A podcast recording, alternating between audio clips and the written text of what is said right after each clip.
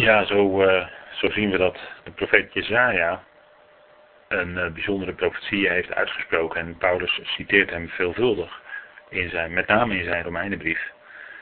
Dat is uh, gewoon te lezen als je de Romeinenbrief leest. Dat hij voortdurend wijst op uitspraken van de profeet Jezaja. En die dan in het bijzondere, in zijn bijzondere context van zijn evangelie toepast. Nou, Jezaja, die spreekt over een rest, een gelovig overblijfsel. En Jezaja had twee zonen. En als ik nou aan u zou vragen wie zijn dat, dan zou u even op zijn minst goed moeten nadenken. En ik vermoed dat uh, velen dat niet zo 1, 2, 3 kunnen zeggen. Maar toch is dat belangrijk, want in die namen van die zonen wordt uh, duidelijk wat de profetie van Jezaja inhoudt. En zijn eerste zoon, die heette Maher Gasbas. Nou, dat is natuurlijk een naam die je nou niet uh, elke dag tegenkomt. Maar die naam betekent haastig buit, spoedig roof. En dat is wat we ook in, uh, bij de profeet Jezaja zien. In uh, Jezaja 37 gaat het om de belegering van Jeruzalem door de Assyrische koning Sanherib. En al eerder was uh, het noordelijke tienstammenrijk in ballingschap weggevoerd door de Assyriërs. Zoals de Heer het ook gezegd had. U kunt dat nalezen in 2 Koningen 17. En in Jezaja lezen we over koning Hiskia in Jezaja 37 met name. Dat uh, hij vertrouwde op de Heer en dat Jeruzalem bevrijd zou worden. Terwijl het uh, zwaar belegerd was door uh, de enorme legermacht van de Assyriërs. En de Assyriërs waren een volk wat uh, gevreesd werd om hun hardheid en rauwheid. Nou, zij belegerden Jeruzalem en dat was een hele moeilijke periode, maar koning Hiskia bleef vertrouwen op Yahweh. En uiteindelijk gaf Yahweh redding, hè, dat is ook wat de naam Jezaja zegt, redding zal zijn ja, of Yahweh. Redding zal zijn de Heer. En dat is ook wat uh, Hiskia ondervond. Uiteindelijk werden er vele van het leger in een nacht geslagen door de Heer, het Assyrische leger, en zo gingen zij terug naar Assyrië, omdat ze zagen dat dit uh, geen kans van slagen meer had. En zo werd Jeruzalem bevrijd en was koning Hiskia geweldig dankbaar. En bleek zijn geloof inderdaad niet beschaamd gemaakt. Want uh, dat is ook wat Jezaja zegt. Hè? Al wie op hem zijn geloof bouwt, zal niet te schande worden, zal niet beschaamd uitkomen. Nou, dat is ook een geweldig principe, denk ik, voor ons als gelovigen. Als we ons geloof, ons vertrouwen stellen op hem en ook rusten in hem, dan zullen we ondervinden dat hij degene is die ons alles geeft wat we nodig hebben. Haastig buit, spoedig roof. En dat is ook wat later wel zou gebeuren door de koning van Babel. Die zou komen en die zou Juda, de Judeërs, toch wegvoeren in ballingschap naar, naar Babel. Jeruzalem zou verwoest worden en de tempelschatten buitgemaakt. En dat is wat dan ook in die uh, naam van die zoon van Jesaja zichtbaar wordt. Haastig, buitenspoedig roof. En aan de andere kant, hè, dan zien we ook dat Jesaja nog een zoon had. En dat is ook wat in de profetie naar voren komt. Je ziet dat ook staan op uh, de dia van de presentatie, daar staat de tweede naam, dat is Sear of Schear Yashub. En dat is een rest bekeert zich of keert terug. En dat is ook wat uh, zal gebeuren in de nabije toekomst. Als de Heer zijn volk gaat verlossen, dan zal hij met een gelovige rest komen en het land binnentrekken en zo het land bevrijden. Nadat het land al uh, door vijanden verwoest is geworden en ook Jeruzalem verwoest geworden. Een rest zal terugkeren, een rest zal zich bekeren. Uh, ja, terugkeer, bekeren, Yashub. Uh, in het Jodendom kent men de Teshuvah, dat is de, dat is de dagen van inkeer. En dat vindt plaats tussen Rosh Hashanah, het Joodse nieuwjaar, en Yom Kippur, wat uh, dat de tien dagen later plaatsvindt, de grote verzoendag. Nou, in die tien dagen, wat, dat, noemt, dat men binnen het Jodendom ook wel de tien verschrikkelijke dagen. Dan uh, gaat het om een periode van inkeer, van misschien ook wel berouw over datgene wat in het afgelopen jaar fout is gegaan, waarin men zich dus voor het aangezicht van Jaweh, van God, uh, zich afvraagt. En uh, wat, ja, wat, is er al, wat heb ik nou gedaan het afgelopen jaar? En nou, dan komt men tot inkeer en gaat men ook naar anderen toe, uh, waar misschien in het afgelopen jaar tekort is gedaan of um, oneenigheid mee is geweest. Al dat soort dingen. het is een periode van inkeer, van rouw. En dat is wat men dan noemt de teshuva. En daar zit ook dat woord terugkeer zit daarin. Nou, u ziet op het kaartje dat uh, de pijl uh, uiteindelijk toch uh, terugwijst naar het land. En dat is ook wat met Israël zal gebeuren. Uiteindelijk zullen ze terugkeren uit ballingschap. Hè. Het geweldige is dat als je nadenkt over ballingschap in de Bijbel, dat een ballingschap altijd tijdelijk is. Aan een ballingschap komt het eind, komt een eind. En dat is ook wat het lijden van de mens betekent ook een stuk ballingschap. Een mens lijdt in ballingschap. Maar ook aan het lijden wat een mens doet, komt een eind. God zal dat uh, niet toestaan dat dat voor altijd zou zijn. Het lijden heeft een functie. Wel degelijk, als we Paulus op naslaan wordt het heel duidelijk. Het lijden heeft een functie. Maar het lijden is ook tijdelijk. God heeft er een beperking aan gesteld. En dat is ook zo met de ballingschap. En daarom zal het volk uiteindelijk uit ballingschap terugkeren. En ze zijn 2000 jaar in ballingschap geweest. Maar ze zijn nu weer terug in het land. Als teken, als eerste ritseling van de grote terugkeer van de Heer Jezus Christus. Als Hij komt als hun Messias. En zijn voeten zal zetten op de Olijfberg. En dat het volk er nu weer is is een vervulling van Bijbelse profetie. Wil niet zeggen dat het een volk is nu in geloof in het land. Want het is eigenlijk een ongelovige staat. De Joodse staat is ongelovig. Maar de Heer zal komen en zijn volk, de zijnen, zal hij verlossen. Na een periode van enorme verdrukking. En daarna zal er nog een periode zijn van toren, van verontwaardiging van God over de andere volkeren. Die komt dus eerst over zijn eigen volk. En dat doet God door middel van andere volkeren. Brengt hij zijn verontwaardiging over zijn eigen volk. Een tijd van grote verdrukking. En daarna zullen ook de volkeren, de natieën van de wereld, zullen ook een periode van verdrukking meemaken als zijn toren over de volkeren komt. Dat is wat het boek Openbaring laat zien. En daarna zal inderdaad dat koninkrijk opgericht worden. Nou, zo zien we dat dan die dag des Heren. Die begint dus na die 70ste jaarweek van Daniel 9. En die dag des Heren begint dan met een periode van druk over de volkeren. Nadat Gods eigen volk Israël verdrukt is geweest. De dag des Heren zal dan daarna, als eenmaal die periode van verdrukking en benauwdheid voor de volkeren voorbij is, zal die periode van grote zegen aanbreken als Israël aan het hoofd van de volkeren zal staan onder hun Messias Jezus en ze zullen een zegenkanaal zijn voor de anderen en ze zullen het licht van de onderwijzing van God zullen zij in de wereld laten schijnen. Zij zullen dan het licht voor de volkeren zijn, zoals Jesaja 49 ook zegt. Nou, dat is een uh, geweldige belofte en een rest. Hè, er is altijd hoop, er is altijd verwachting. God geeft altijd uitzicht en dat wordt ook zichtbaar in Sear Yashub. Een rest bekeert zich of keert terug. Er is altijd sprake van een gelovig overblijfsel. En dat is er ook in deze tijd, zegt Paulus in Romeinen 9 tot 11. Ook in deze tijd is er een gelovige rest na de verkiezing van de genade. En daarover gaat Paulus nog verder spreken in Romeinen 11. Maar daar komen we nog op. In ieder geval zien we dus dat in die twee zonen van Jezaja ook zijn hele profetie zichtbaar wordt.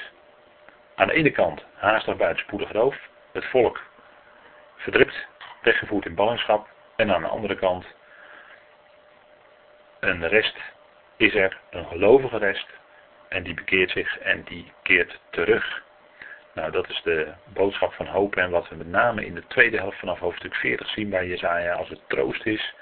En als Jezaja gaat aanzeggen dat God, dat Yahweh, zijn belofte niet vergeten is, maar dat hij dat volk in ontferming weer aanneemt. En dan zien we dus dat die teksten die Paulus citeert uit uh, Jezaja 10 en Jezaja 1 vers 9 beide spreken over de rest van Israël. En als we het hebben over de rest, dan is dat dus die gelovige rest. Een overblijfsel. En in hoofdstuk 1 vers 9, daar lezen we dan ook wel hele ernstige woorden. Daar komen we dadelijk op. Maar in hoofdstuk 9 gaat het dus om verkiezing, uitverkiezing. En dat is Godszaak.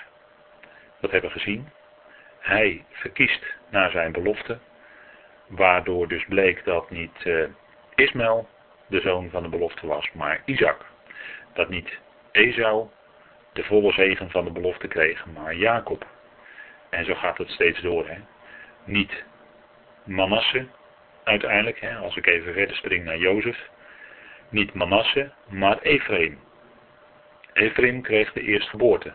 Recht hoewel Manasse het, letterlijk het eerstgeboren was. En op Ephraim rust dan die zegen van de eerstgeborene. Vandaar dat we de naam Ephraim in profetie, hè, denk maar aan Jeremia en met name aan Hosea, regelmatig tegenkomen. Ephraim betekent ook dubbele vrucht, hè, als verwijzing naar de dubbele zegen die de eerstgeborene ten deel viel in Israël. En de eerstgeborene is ook voor Yahweh. De eerstgeborene is voor de Heer. Zo zegt de schrift dat. Nou, we gaan even kijken naar Jezaja. En daar staat dan, als dat getal van de zonen van Israël als het zand van de zee zou zijn, en dat was ook wat beloofd was aan Abraham, zie uw nageslacht zal zijn als het zand aan de zee, zoveel ontelbaar veel zandkorrels als er zijn, zo talrijk zou ook zijn nageslacht zijn. Maar een rest zal gered worden. Een rest zal gered worden. Bedenk even waar we het eerder vanavond over hadden. Niet allen die uit Israël zijn, die zijn Israël. voor veel mensen die die tekst kennen, maar in kerken zitten, is dat een raadselachtige uitspraak. Of men verbindt het aan een uitverkiezings, een bepaalde menselijke uitverkiezingsleer, die, die niet schriftuurlijk is. Maar een rest zal gered worden. En dat is het werkelijke Israël, hè? dat zijn de gelovigen. En, maar wat heeft dat nu met heidenen te maken? Hè? Zien we die hier op deze dia staan. Wat heeft het met heidenen te maken? Nou, die rest, die rest in deze tijd, want daar heeft Paulus het ook over, hè, dat God de rijkdom van zijn heerlijkheid bekend maakt aan de vaten van ontferming, terwijl hij aan de andere kant die vaten van toren, van verontwaardiging met veel geduld draagt. Maar als we denken nu over de vaten van ontferming, dan wijst dat op de natie die waaruit God nu gelovigen verzamelt.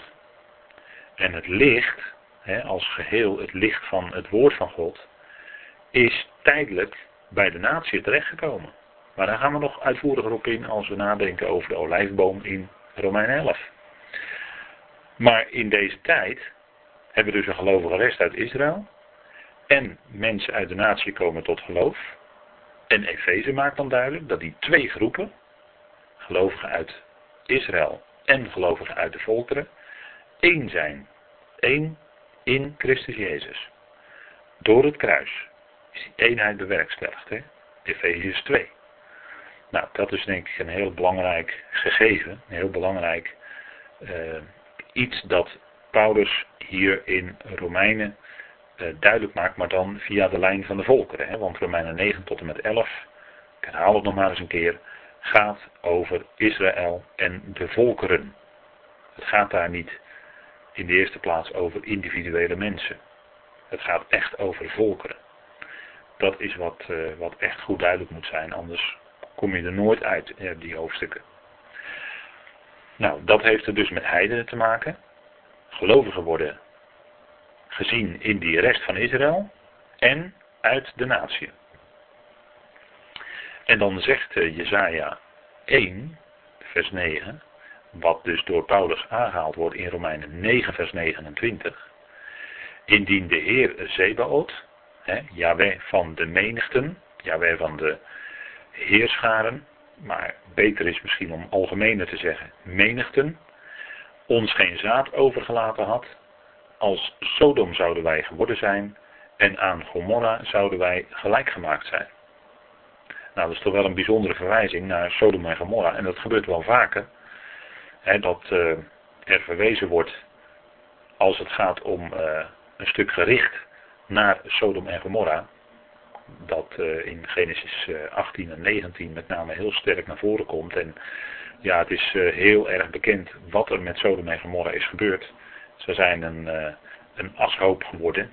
Hè, dat is ook wat die namen betekent, betekenen uh, verbrand, hè, verbrand of uh, verschroeid. En Gomorra betekent dan ashoop of puinhoop. Nou, dat is ook precies wat met Sodom en Gomorra gebeurd is. Er is het heeft vuur en zwavel geregend. In die nacht dat Lot ter nauwe nood uit Sodom uitging. En in die nacht zijn er bijzondere dingen gebeurd. En hoogstwaarschijnlijk zijn er twee van die tektonische platen daar tegen elkaar aangebotst. Wat een enorme ontlading gaf. Dat zie je ook bij een vulkaanuitbarsting. Van vuur, zwavel en noem maar op. Die, de plaatsen lagen daar aan die breuklijn. Die doorloopt dan door zeg maar de Jordaan richting de Olijfberg. Die grote breuklijn en toen zijn die plaatsen tegen elkaar gebotst. Nou, dat is uh, wat het gericht is ook geweest is over Sodom en Gomorra, Adema en Zeboim. Hè, want die vier worden vaak in één adem genoemd in de schrift. En ook dat is niet voor niks. Maar goed, Lot was in Sodom. En wij zouden misschien zeggen, ja, wat moest hij daar? Nou, Lot, uh, ja, dat was een rechtvaardig man. En later in de schrift wordt wel duidelijk dat hij een rechtvaardig was. En zelfs in de poort van Sodom zat. Dus hij zat wel op de grens. Maar hij uh, deed niet wat uh, later in de schrift uh, duidelijk wordt gemaakt aan gelovigen. Dat ze uitgaan buiten de lege plaats. Dat ze uitgaan buiten de stad. Je zou kunnen zeggen, Lot bleef hangen in die stad. In Sodom. En dat is wat dan komen er, als dat gericht gaat plaatsvinden, dan komen er twee boodschappers, hè, zo staat het uh, daar, het wordt vertaald met engelen. Maar er komen twee boodschappers, die later dan mannen worden genoemd, die komen een boodschap overbrengen natuurlijk. Dat Lot, hè, die komen dan bij Lot aan zijn huis en die komen die boodschap overbrengen. En waar is Lot dan een beeld van? Nou, Lot is een beeld van, uh, ja, onder andere het volk. Het volk Israël.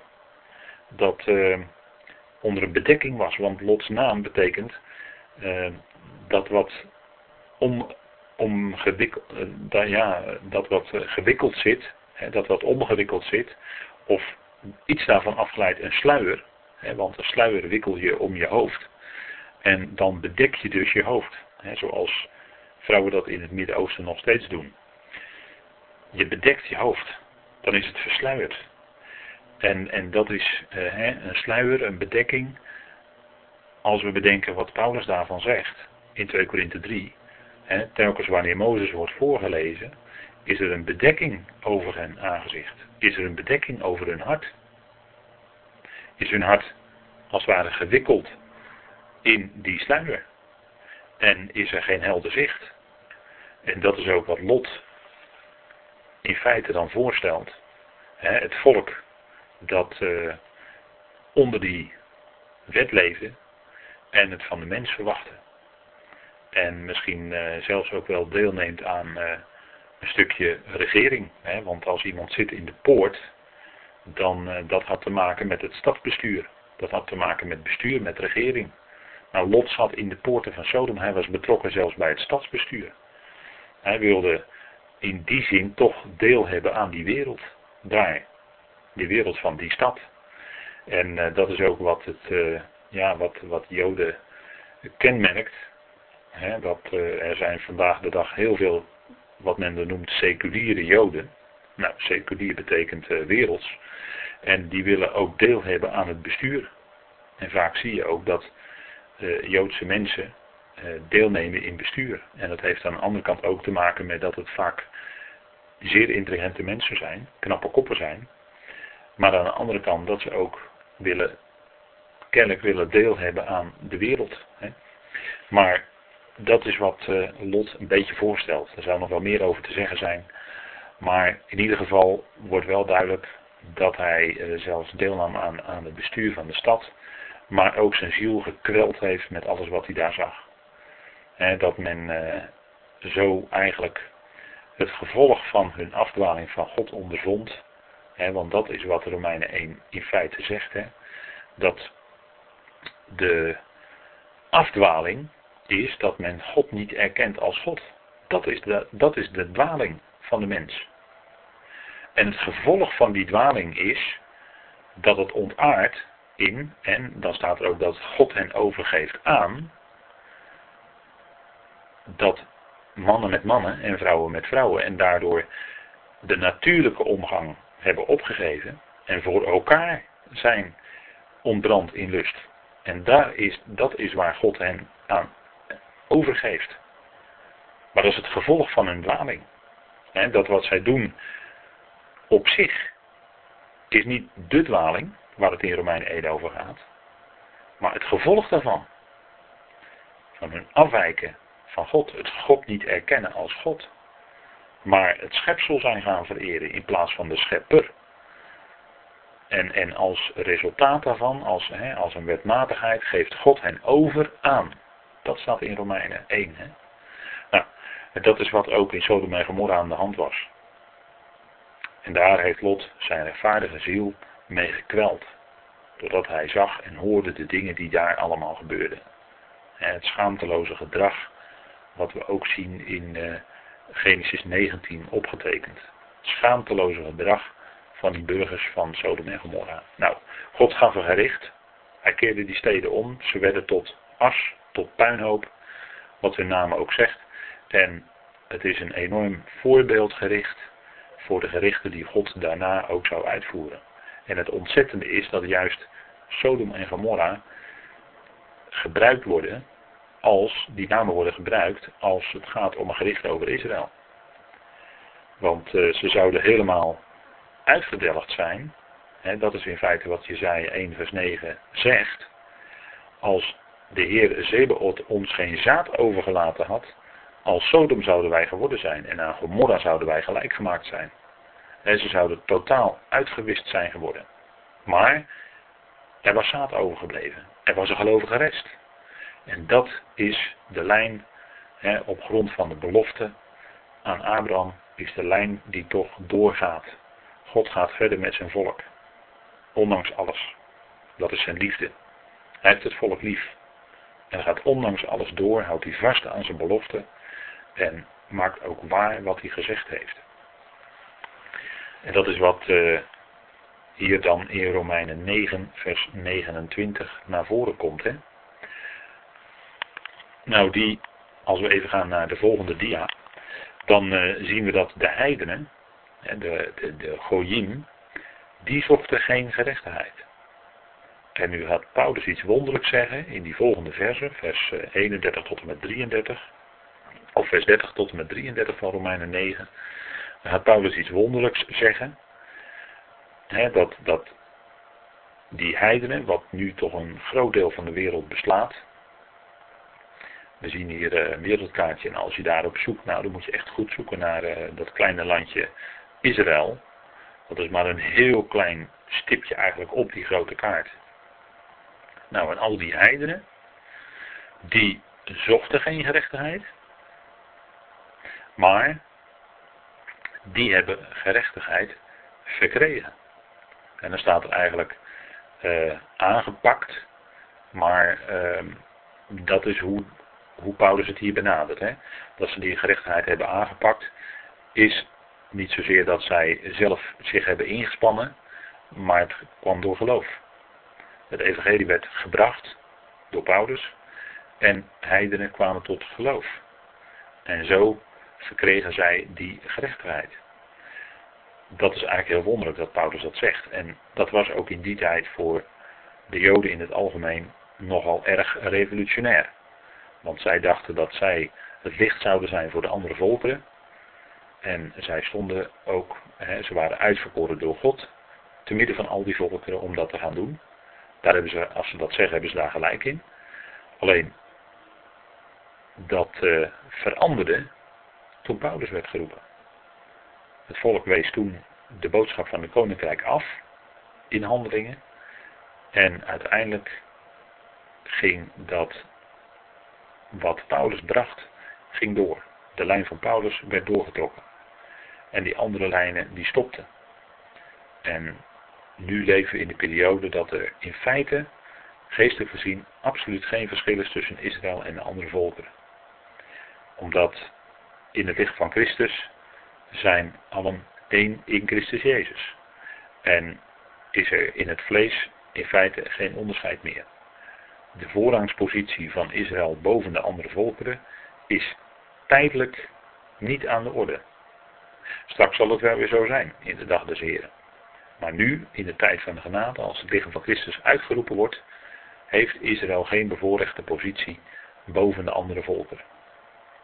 Dat is de, de, een van de essenties van deze tijd. Heel belangrijk om dat te zien.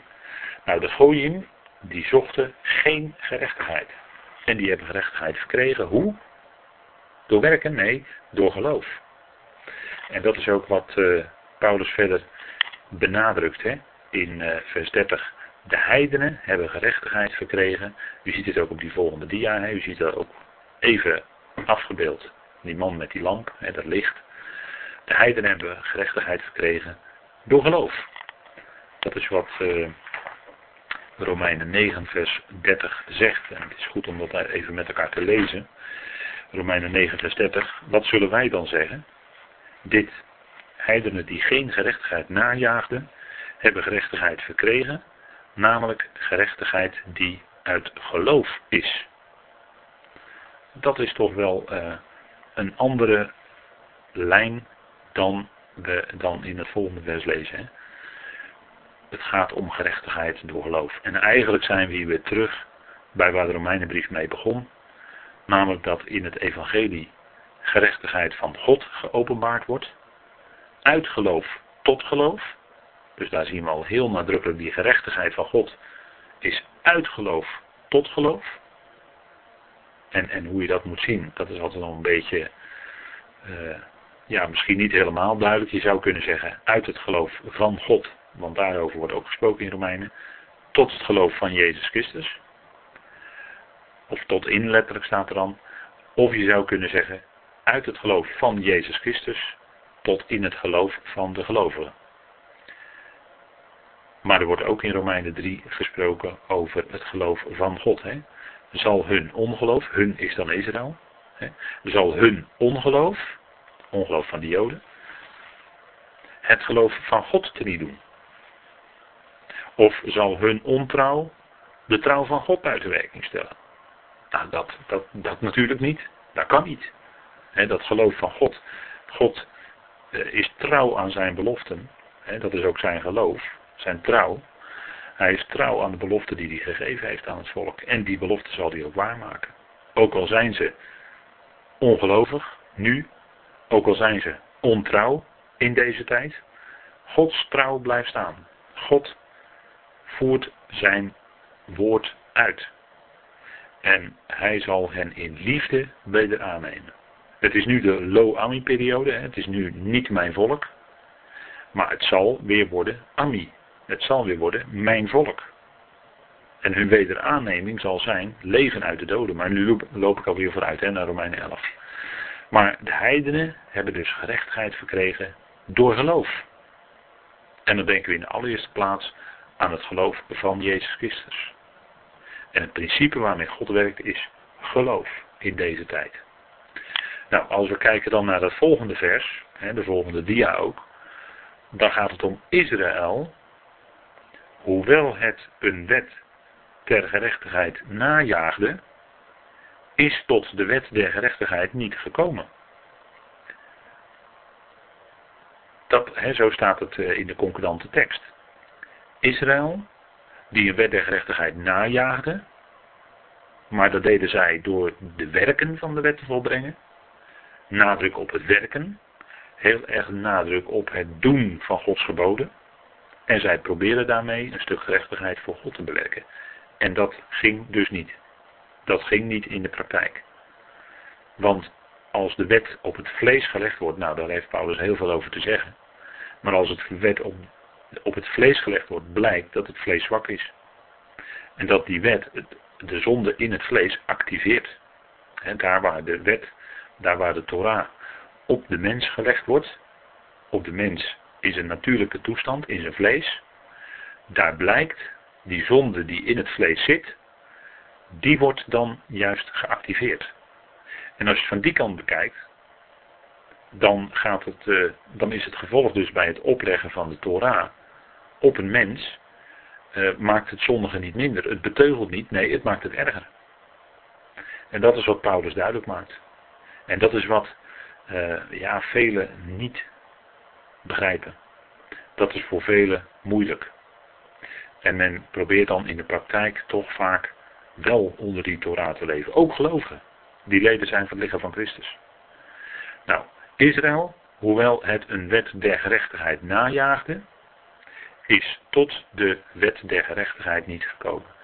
Want waar het in de essentie om draait, is, en dan gaat het, hè, waar het in de essentie om draait, is om hem waarvan die Torah spreekt. Dat is Yahweh. En die is zichtbaar en tastbaar geworden in de Zoon. Die hier als de Heer Jezus Christus op aarde kwam. Van hem spreekt de Torah. En, en daarom legde hij ook uit aan die Emmersgangers al wat in de Torah, de profeten en de psalmen op hem betrekking had. Let je op, hè? Al wat in de Torah op hem betrekking had, staat er dan ook. Die Torah spreekt van hem. En het was ook de bedoeling dat het zou leiden tot geloof. Het, het ging in feite toch om een principe van geloof. En de Torah zei dan, ja, degene die dit doet, die zal leven. Maar in de praktijk bleek dat niemand in staat was om het te doen. Het was niet een weg ten leven, maar het bleek in de praktijk, zegt Paulus, een bediening des doods te zijn. U kunt dat nalezen in 2 Corinthians 3. Nou, Israël, hoewel het een Torah der gerechtigheid najaagde, is tot een Torah der gerechtigheid niet gekomen. En dat is wat, uh, omdat zij het naar de werken. Zij richten zich als mens daarop. Zij richten zich, uh, zou je kunnen zeggen, eigenlijk benaderden zij de Torah vanaf de linkerkant. Van de menselijke kant. Dat de mens het moet doen. Terwijl het ging in feite om de rechterkant. En dat is dat die Torah spreekt van God. Die Torah spreekt van wie God is. En God openbaart zich altijd in zijn woord. En dat woord, dat is uiteindelijk dan in de persoon van de Heer Jezus Christus vlees geworden. Het werd zichtbaar. En uh, dat, is wat, uh, nou, dat is wat Paulus hier constateert dan in Romeinen 9. Hè? En dat zegt hij natuurlijk zelf als Jood van de stam Benjamin. Maar hij kende dat van binnenuit. En dan, had hij, en dan zat hij ook nog in dat judaïsme, in dat fariseïsme. Nou, dus hij kende het allemaal van binnenuit. En hij zegt, ja, dat volk, dat is aan een wet tegen rechterheid niet toegekomen. Waarom niet? dat is dan de verklaring en dat heb ik al met wat daarnet al een beetje aangegeven. En dat staat ook op de volgende dia. Waarom? Omdat het niet uit geloof, maar uit wetswerken is. Ze hebben zich gestoten aan de steen des aanstoots.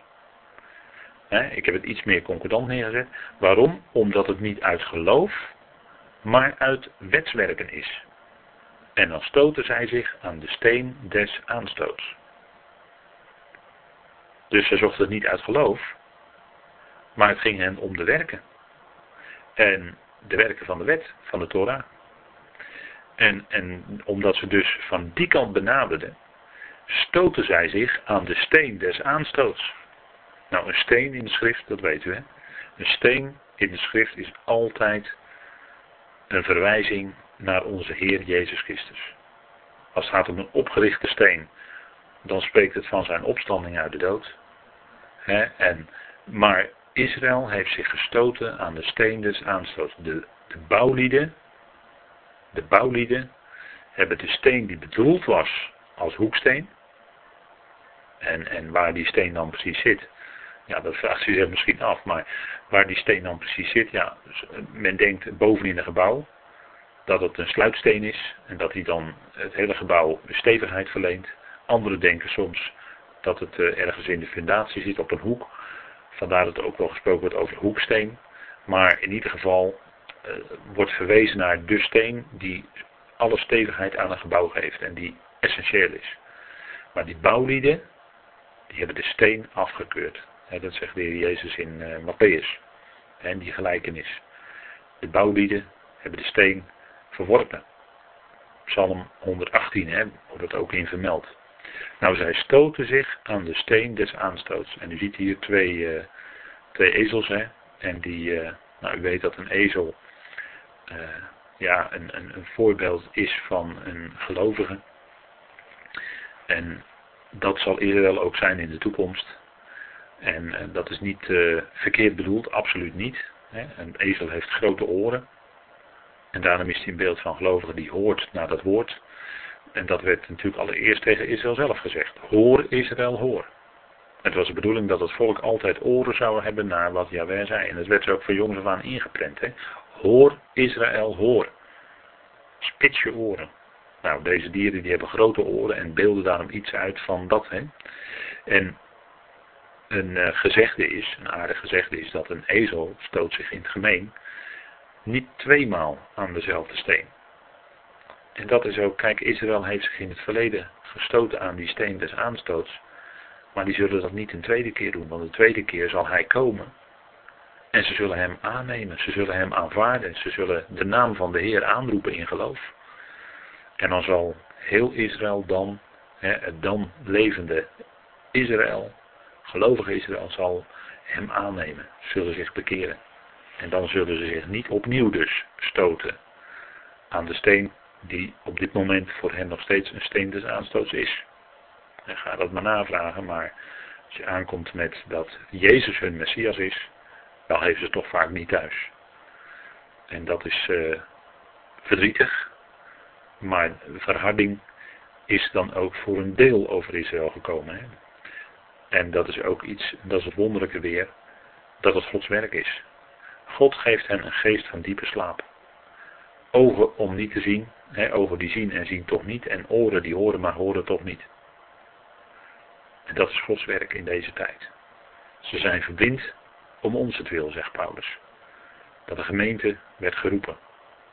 En zo zien we dat wonderlijk God het uitwerkt. Maar zij verwachten het dus nog steeds van de werken van de wet. En die steen des aanstoots, als we even kijken naar de volgende plaatje, hè, dan zien we dat hier uh, een grote steen ligt.